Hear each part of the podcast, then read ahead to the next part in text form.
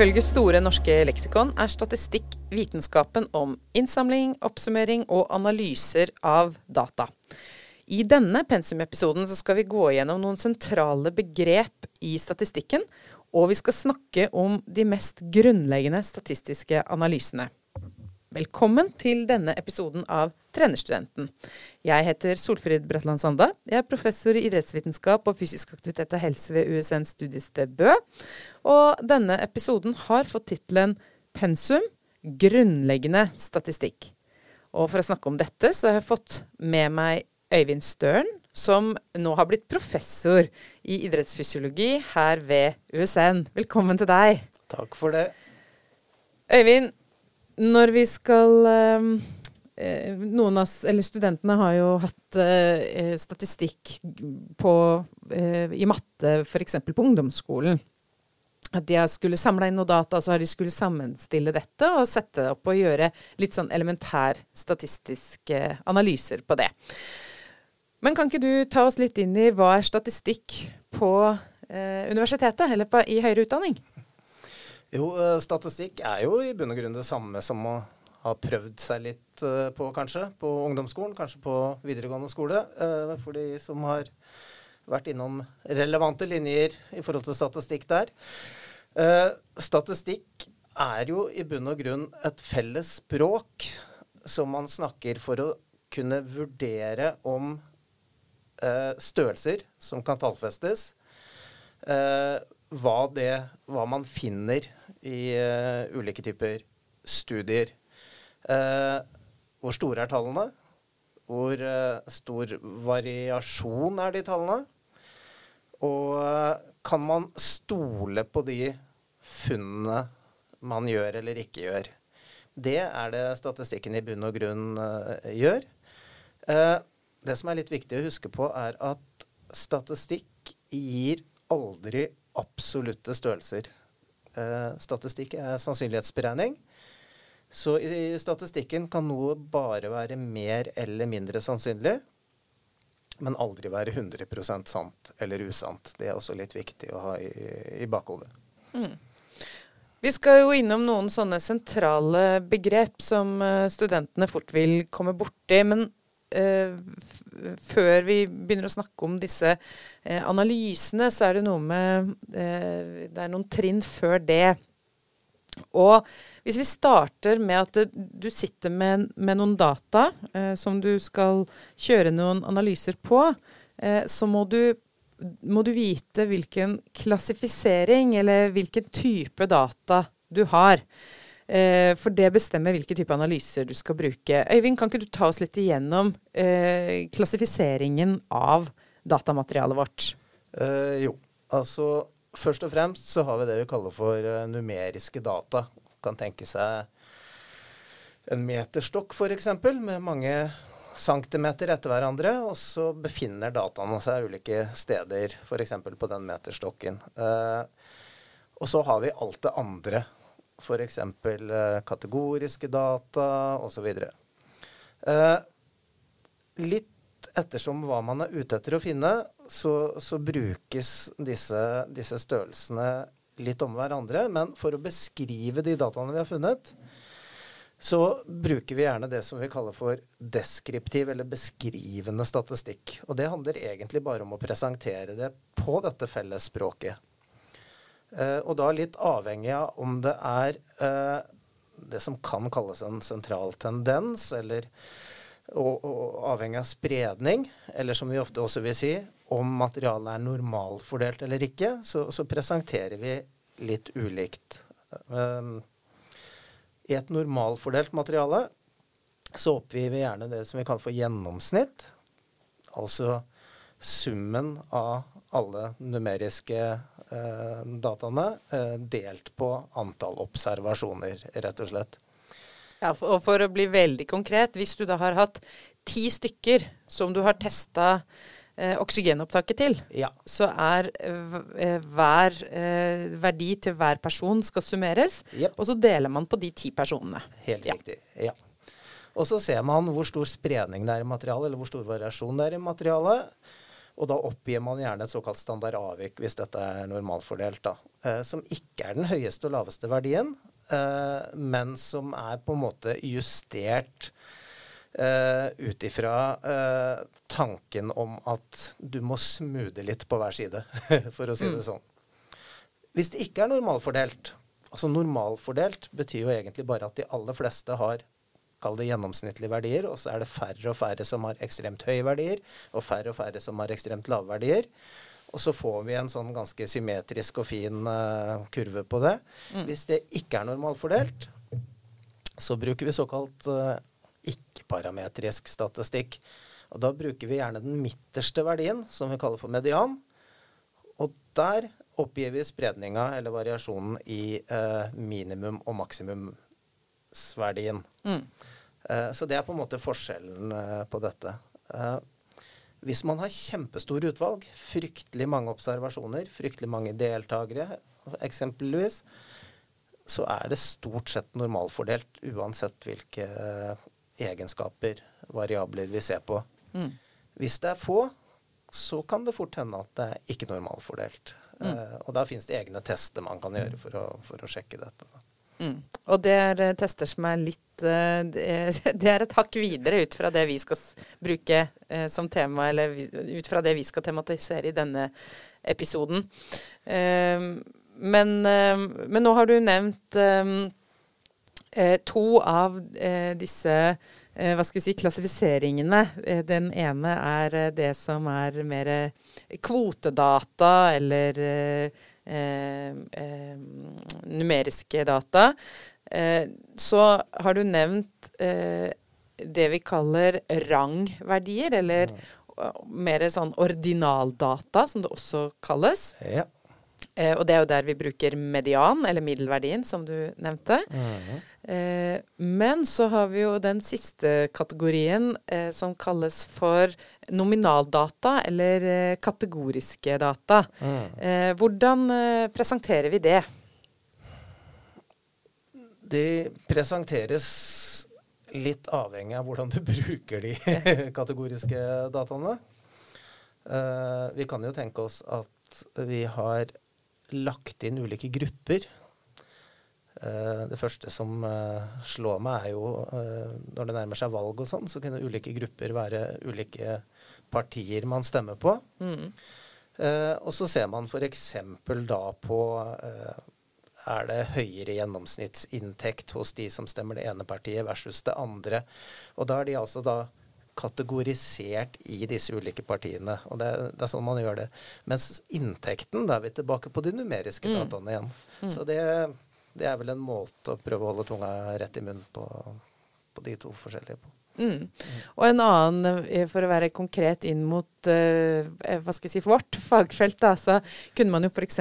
tenkt seg uh, ulike kategoriske variabler innen eh, er du fysisk aktiv? Ja, nei. Det er en klassisk eh, kategorisk variabel. Du kan ikke være eh, Du kan ikke krysse av på både ja og nei. Eh, du må på en måte velge.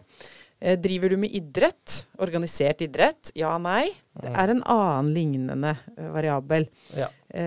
og da måten vi presenterer det på, er jo ofte OK, hvor mange er det som har skrevet eller kryssa for ja? Eh, og hvor mange eller hvor høy prosentandel er det som da har kryssa for nei? Og da er det en sånn type mode, eller eh, Ja, hvor mange, ja. hvor mange, er det i hver gruppe? Og så presenterer vi det eh, i enten tabellform eller i figurform. Ja. Nå har vi jo nevnt eh, noe med sentralmål og spredningsmål, men dette er, så, dette er, så, essensielt å forstå, så jeg lurer på om vi bare skal gjenta det. Øyvind, hva er sentralmål for noe? Sentralmål er eh, en beskrivelse av totalen, enten i form, som vi nevnte litt i stad, et eh, gjennomsnitt eller eh, en median, altså et eh, middelmål.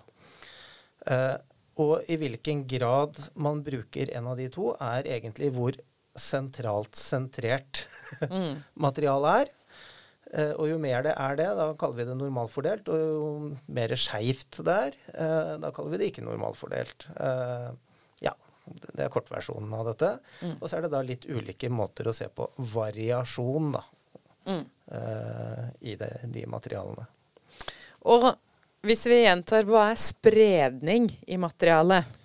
Spredning handler om Hvis du da setter gjennomsnittet, eller medianen, som en, en, en stolpe, da, hvis du ser for seg en stolpe. Hvor mye ligger hvor langt fra denne stolpen? Det er egentlig det spredningen eh, sier noe om. Mm. Og den vil da dermed også si noe om hvor stor er variasjonen. Så hvis det ligger mye langt fra stolpen, så er det stor spredning. Hvis det ligger lite kort fra stolpen, så er det liten spredning. Mm. Vi går videre til en, eh, en liten bokstav som alle leser om, i, og det er P-en. P-verdien. Denne eh, P-verdien er noe vi bruker i alle våre mm, artikler. Vi bruker det for å si noe i, ja, i våre statistiske analyser. Hva er en P-verdi? P-en eh, heter på nynorsk probability. Eh, derfor bokstaven P. Så det handler egentlig om sannsynlighet. Og sannsynligheten for hva, kan man spørre seg. Dette er egentlig sannsynligheten for at noe som kalles en nullhypotese, ikke er bekrefta. Og da ble det kanskje plutselig litt vanskeligere. Eh, først, hva er en nullhypotese? En nullhypotese sier egentlig kort fortalt at alt er tilfeldig. Det fins ingen sammenhenger, det fins ingen forskjeller. Alt er eh, flytende og tilfeldig. Eh, når vi f.eks. gjør et studie og ser om eh, et fantastisk treningsprogram gjør at du øker hopphøyden din i å hoppe rett opp eh, seks uker etterpå, så vil det ifølge P-verdien ikke ha skjedd noen endring, så klart. For det vil jo være helt tilfeldig om man da øker hopphøyden etter dette fantastiske treningsprogrammet. Eller ifølge nullhypotesen. Eh, ja, det Ja. var kanskje det jeg skulle si. Ja. jeg Så ifølge, ifølge nullhypotesen hypotesen så er ja. alt tilfeldig. Ja. Eh, det betyr at jo mer vi avkrefter den nullhypotesen, jo mindre tilfeldig er det vi ser. Så hvis man hopper fem centimeter høyere i gjennomsnitt, si den gruppa fra i stad på ti personer, hopper fem centimeter høyere i gjennomsnitt etter seks ukers trening, så vil P-verdien fortelle oss Kan vi stole på at de hopper høyere? Jo, de hopper fem centimeter høyere i snitt, men hvor mye kan vi stole på det? Mm. Hvis den P-en er høy, så går den i retning av å bekrefte nullhypotesen, og da stoler vi ikke på det. Hvis P-verdien er lav, så går den i retning av å eh, avkrefte nullhypotesen. Og jo lavere den er, jo mer stoler vi på det. Og der har vi ofte satt noen grenser, da. Mm. I eh, samfunnsvitenskapen og fysiologien f.eks. så er den gre grensa ofte på 5% tilfeldighet, 95% ikke-tilfeldighet.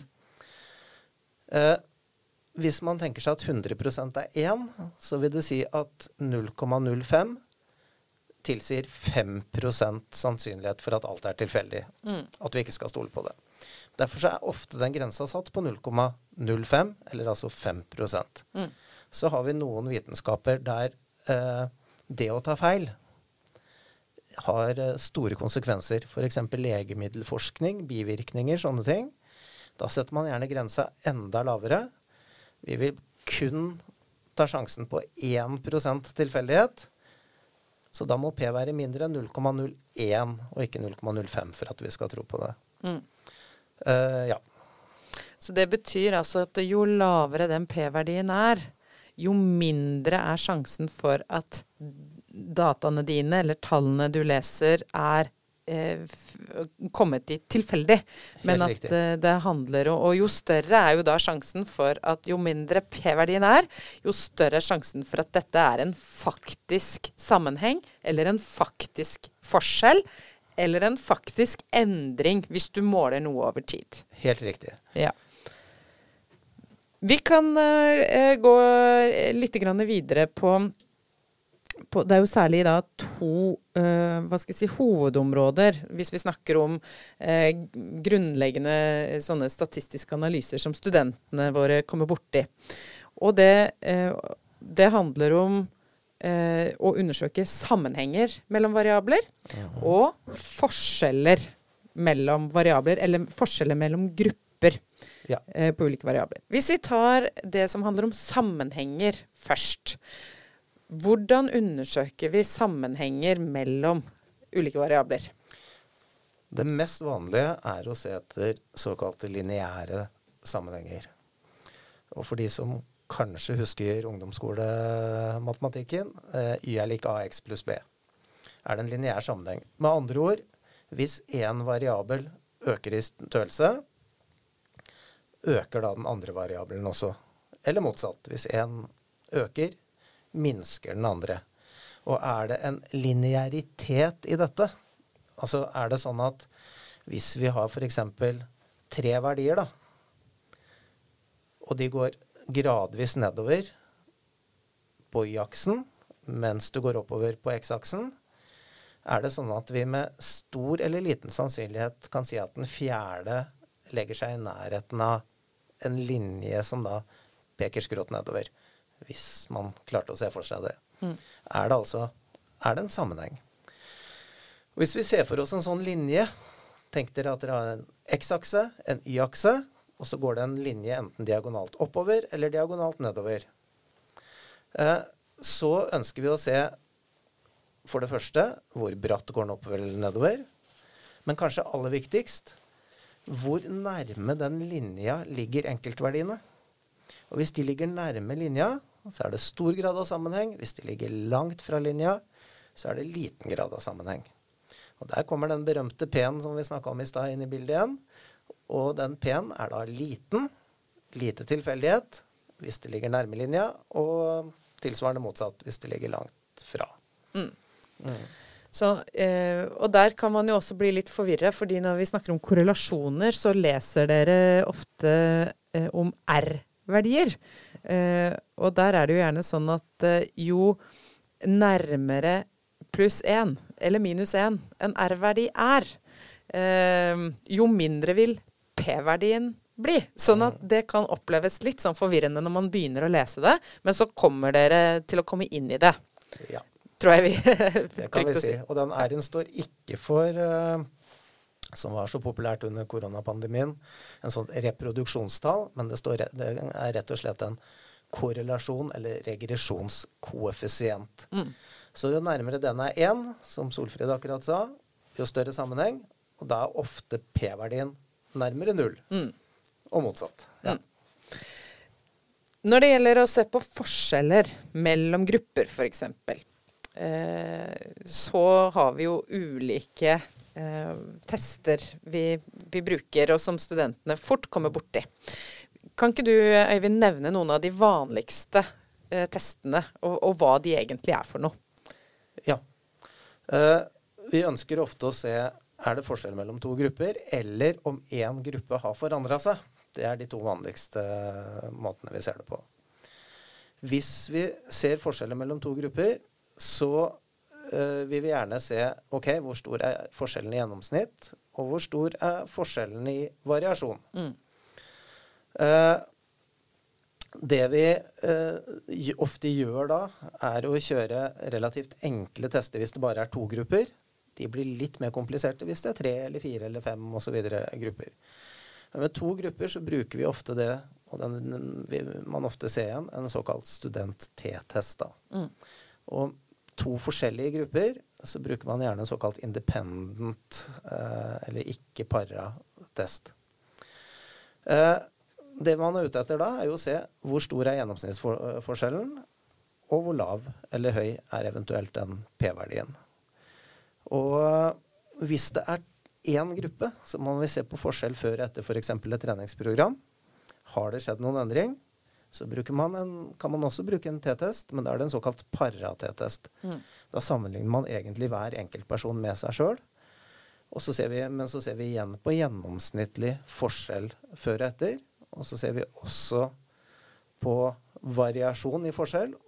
Og så ender det opp som regel i da denne berømte P-verdien også, da.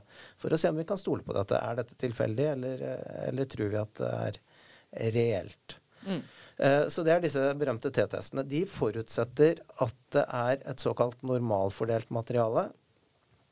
Så fins det tilsvarende tester, uh, Man Whitney, Wilcoxen osv., som man bruker på, på ikke-parametrisk. Som i bunn og grunn gjør det samme, men tar hensyn til at det er litt skeivfordelte materialer. da. Mm. Og hvis vi skal være veldig konkrete og komme med, med eksempler på eh, data eller eh, studier hvor vi har brukt T-test, så kan det f.eks. handle om hvis vi ønsker å eh, undersøke om det er eh, forskjell mellom eh, eh, elever fra ulike skoler når det gjelder fysisk aktivitetsnivå, mm. eller vi kan ønske å se på er det forskjell mellom eh, spillere på ulike lag. I, fot, eh, i, i fotball f.eks. er det forskjell på, på, prestasjon, altså hvor, hvor, god fysisk form de har eh, når det gjelder eh, spillere fra ulike, eh, ulike lag. Ehm, eller vi kan f.eks. ønske å se på personer som har eh, eh, diabetes type 2 versus personer som eh, ikke har diabetes type 2, er det forskjell i f.eks. For da fysisk form eh, mellom ja. disse gruppene. Så Det er noen sånne konkrete eksempler hvor, hvor det ville vært naturlig å bruke T-test. Ja. ja. Kan legge til der at det er litt sånn nesten litt paradoksalt i statistikken. For vi setter jo gjerne den derre P-verdigrensa et eller annet sted. 0,05, som vi nevnte i stad. Og da er det litt sånn svart-hvitt. Hvis man finner ut at den P-en er mindre enn 0,05, og stoler på dataene, da har f.eks. det ene fotballaget høyere oksygenopptak enn det andre. Og så er P-en bare så vidt over 0,05. Og da konkluderer vi med egentlig det motsatte. De har likt oksygenopptak. Mm. Selv om gjennomsnittet kunne være 15 forskjell, f.eks. For eksempel, men vi stoler ikke på det nettopp fordi at P-verdien var for høy. Mm. Uh, og det er tre sentrale ting som avgjør om den P-verdien blir høy. Hvor stor forskjell er det på de to fotballagene? Hvor mange spillere er inkludert? Hvor stort antall er det? N heter det i statistikken. Mm. Number. Og hvor stor variasjon er det i forskjellen mellom de. Så hvis du har mange med, med stor forskjell, men liten variasjon i forskjellene, da blir p-verdien lav, og det blir signifikant. Hvis du har få med, med liten forskjell og stor variasjon i forskjellene, så blir p-verdien høy, og det er ikke signifikant. Mm. Eh, skulle vi bare kort nevnt at det finnes jo noen uh, sånne variansanalyser som vi bruker når vi skal se på flere grupper, altså sammenligne flere grupper. Eh, kan du ikke kort ta oss litt igjennom det? Vi har de berømte ANOVA og ANKOVA-testene, som egentlig bare står for eh, analyse av varians eller analyse av kovarians. Det var de, det, mm. det var de forkortelsene. Eh, de eh, ANOVAene eller ANCOVAene ser rett og slett på Hvis du har ti fotballag, f.eks., som du skal se på forskjellene mellom, det ene de ser på, er er det en trend eller tendens til at f.eks. fotballagene med øh, flest øh, treninger i uka presterer høyest i f.eks. knebøy. Bare eksempler tatt ut av lufta. Eh, og så kan vi se på hvert lag mot uh, et annet lag. Et Eh, ett og ett par. En såkalt post hoc-test. Dette er litt mer kompliserte tester enn den T-testen, mm. som jo er veldig fin og grei, men det forutsetter at vi bare har to lag, mm. eller ett lag to ganger. Eh, så det er i bunn og grunn det de Anovaene og Ankovaene ser på. da. Uh, Fins det på en måte en uh, slags tendens, en trend? Og hvordan ser det ut mellom ett og ett lag og ett og et annet lag. Mm. Ja. alt dette her som vi har snakka om nå, er jo litt sånn eh, eh, for å, å, få dere studenter inn i eh, tenkningen rundt statistikk, og den veldig sånn grunnleggende forståelsen for de tallene dere leser når dere leser artikler som bruker statistikk. Og hvis vi tar utgangspunkt i de artiklene, så har de jo, som vi har snakka om tidligere, ofte en struktur som vi kaller for IMRAD. Og IMRAD står for Introduction, Methods, um, Results and Discussion. Og i metodedelen så kan vi da forvente at det står beskrevet noe om eh, de statistiske analysene som er blitt brukt i studien. Øyvind, hva skal vi se etter der? Det man skal se etter, er jo for det første hvilke statistiske metoder som er brukt i, eh, i studien. Eh, var materialet normalfordelt eller ikke? Eh, hvor har man satt grensa? Det står gjerne i metoden. På denne berømte P-verdien. Eh, og når man da har sett på det i metoden og går ned i resultatene, så er det ofte to måter man presenterer på. Enten med noen små stjerner som angir denne berømte P-verdien. Der gjerne stjerne betyr at P-verdien f.eks. er mindre enn 0,05, og vi skal stole på det. Eller at de oppgir fullstendig P-verdi. Og da er det viktig at man har lest i metoden om den grensa er satt på f.eks. 0,05 eller 0,01 eller 0,07, eh, som ikke brukes så ofte, men som hender brukes faktisk i enkelte mm. studier. Og så kan man gå tilbake og se at OK, der har de satt grensa. Så ser man i f.eks. tabeller og figurer og sånn i, i, resultatene etterpå, ser at der var P 0,14.